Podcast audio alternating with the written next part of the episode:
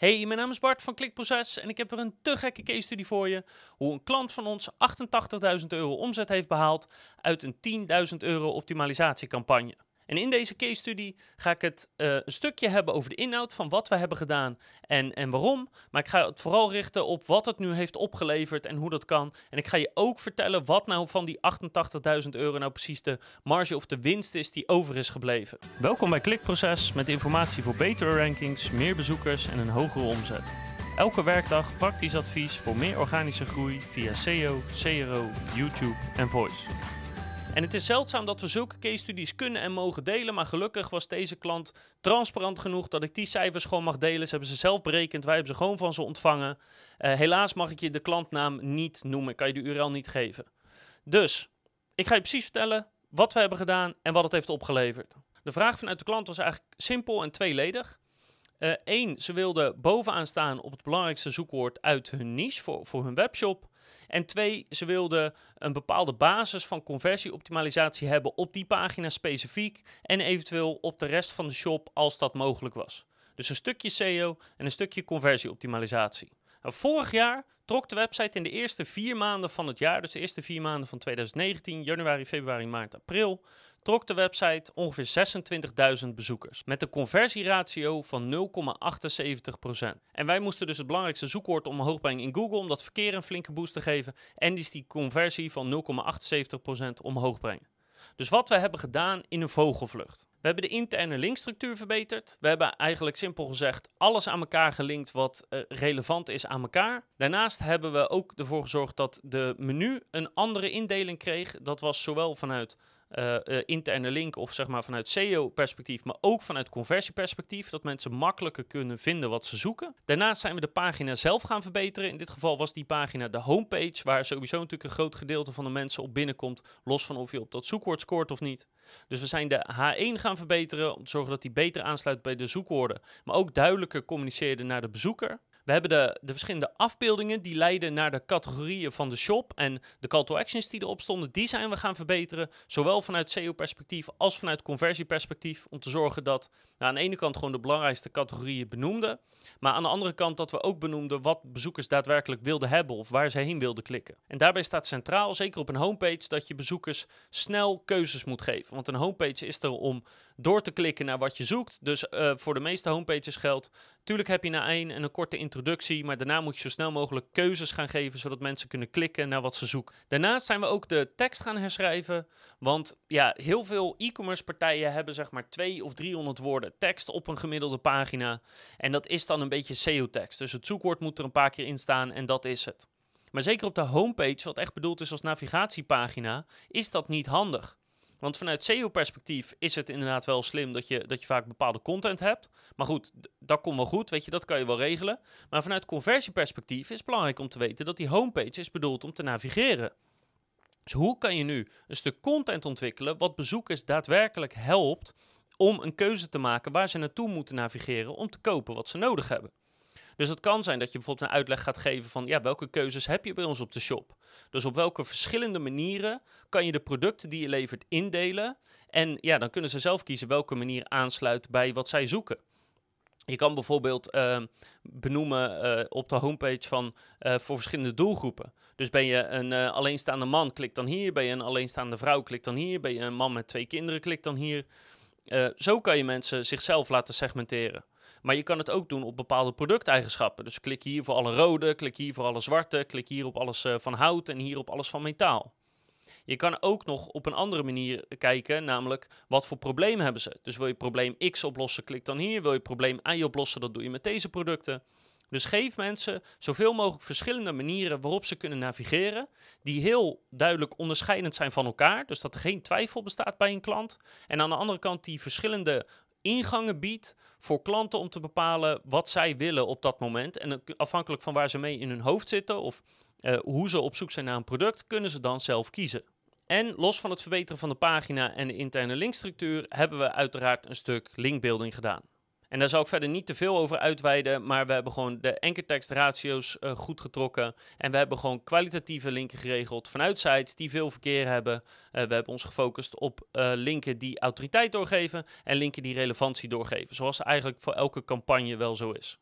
Als laatste belangrijke punt hebben we de USP's flink aangescherpt.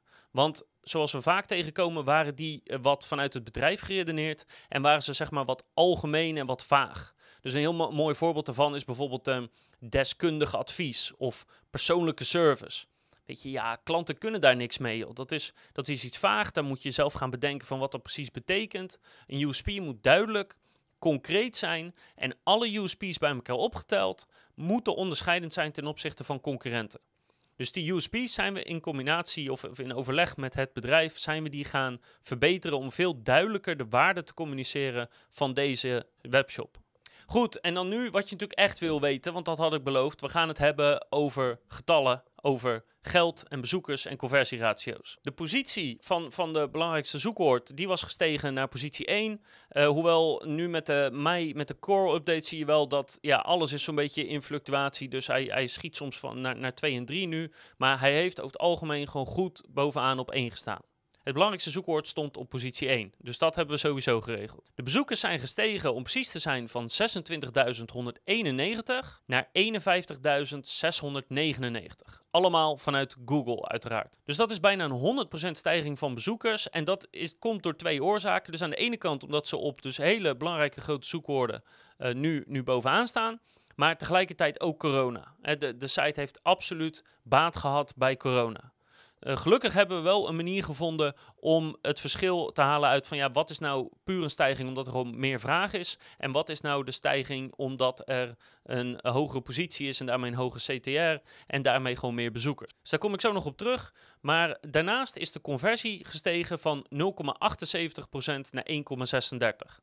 En ook dat zal natuurlijk een combinatie zijn tussen corona en de wijzigingen die we hebben gedaan. Alleen daarvan is het heel, heel, heel veel moeilijker om te bepalen ja, wat je precies aan wat kan toewijzen. Nou, als we die getallen nou gebruiken om te gaan rekenen in omzet en marge, dan kom je op de volgende rekensom uit. Over een periode van ongeveer zes maanden zijn de kosten ongeveer 10.000 euro geweest. Dus dat is voor, voor uh, eh, SEO en conversieoptimalisatie en de uitvoering en zo, alles bij elkaar. Of als je het per maand wil weten, ongeveer 1666 euro per maand voor zes maanden. De omzet in 2019 voor de eerste vier maanden was 97.000 euro.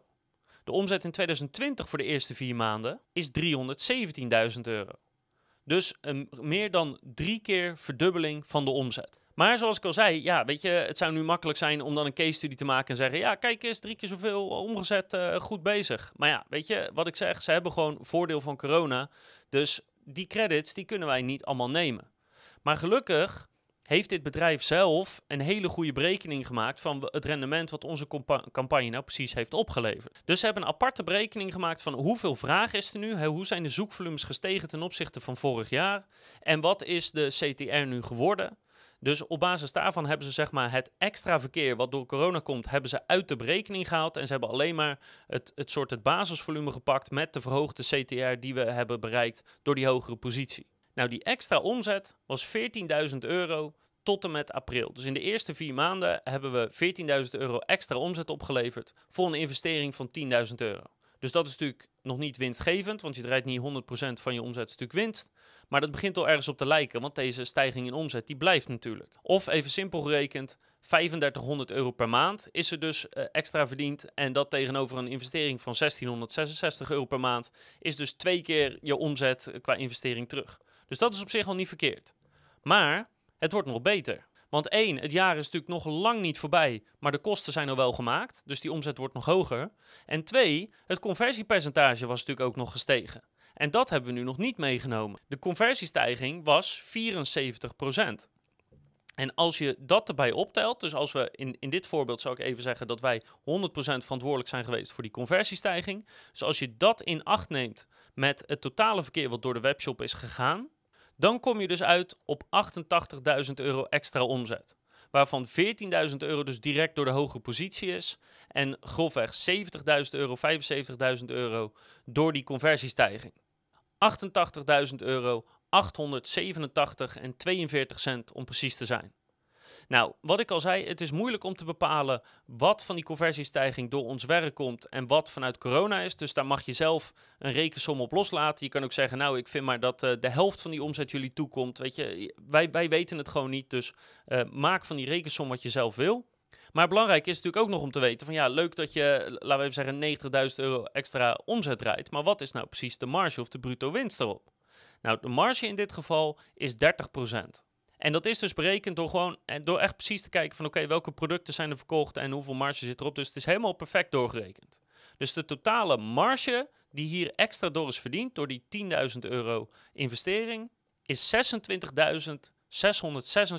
euro en 30 cent. In de eerste vier maanden van dit jaar. En als je dus de conversiestijging minder aan ons wilt toekennen, ja, dan wordt dit bedrag wat lager. En hoeveel precies, ja, dat hangt er vanaf uh, hoe je die, die conversiestijging aan uh, corona wilt toewijzen. Dat, daar heb ik gewoon geen antwoord op en heeft onze klant ook geen antwoord op. Ook hiervoor geldt natuurlijk, van dit is alleen nog maar de eerste vier maanden. Het werk is al gedaan, dus de komende maanden gaan ze hier nog steeds heel veel profijt van hebben. En het is natuurlijk niet verkeerd als je een investering doet van 10.000 euro. En in de eerste vier maanden van het jaar verdien je die investering al terug met 2,5 keer zo, zoveel aan marge. Dus niet aan omzet, maar aan marge. Qua omzet is het natuurlijk bijna 9 keer zoveel. En zoals je misschien kan raden, zijn onze werkzaamheden hiervoor nog lang niet klaar. Want met zo'n investering, zo'n extra omzet en marge binnenkrijgen, dat smaakt natuurlijk naar meer. Dus we gaan zeker nog mooie dingen doen voor deze klant. En wie weet heb ik aan het einde van het jaar nog wel een case study voor je, hoe het in de rest van het jaar is verlopen. En hopelijk dat zowel de omzet als de marges nog veel, veel, veel hoger zijn gestegen. Ik hoop dat je er wat aan hebt. Ik hoop dat je het misschien interessant vindt om, om nou een echte berekening te zien van wat kan een investering van 10.000 euro nu bijvoorbeeld opleveren. In dit geval grofweg 90.000 euro omzet en 26.000 euro marge daarvan. Ik hoop dat het je inspireert.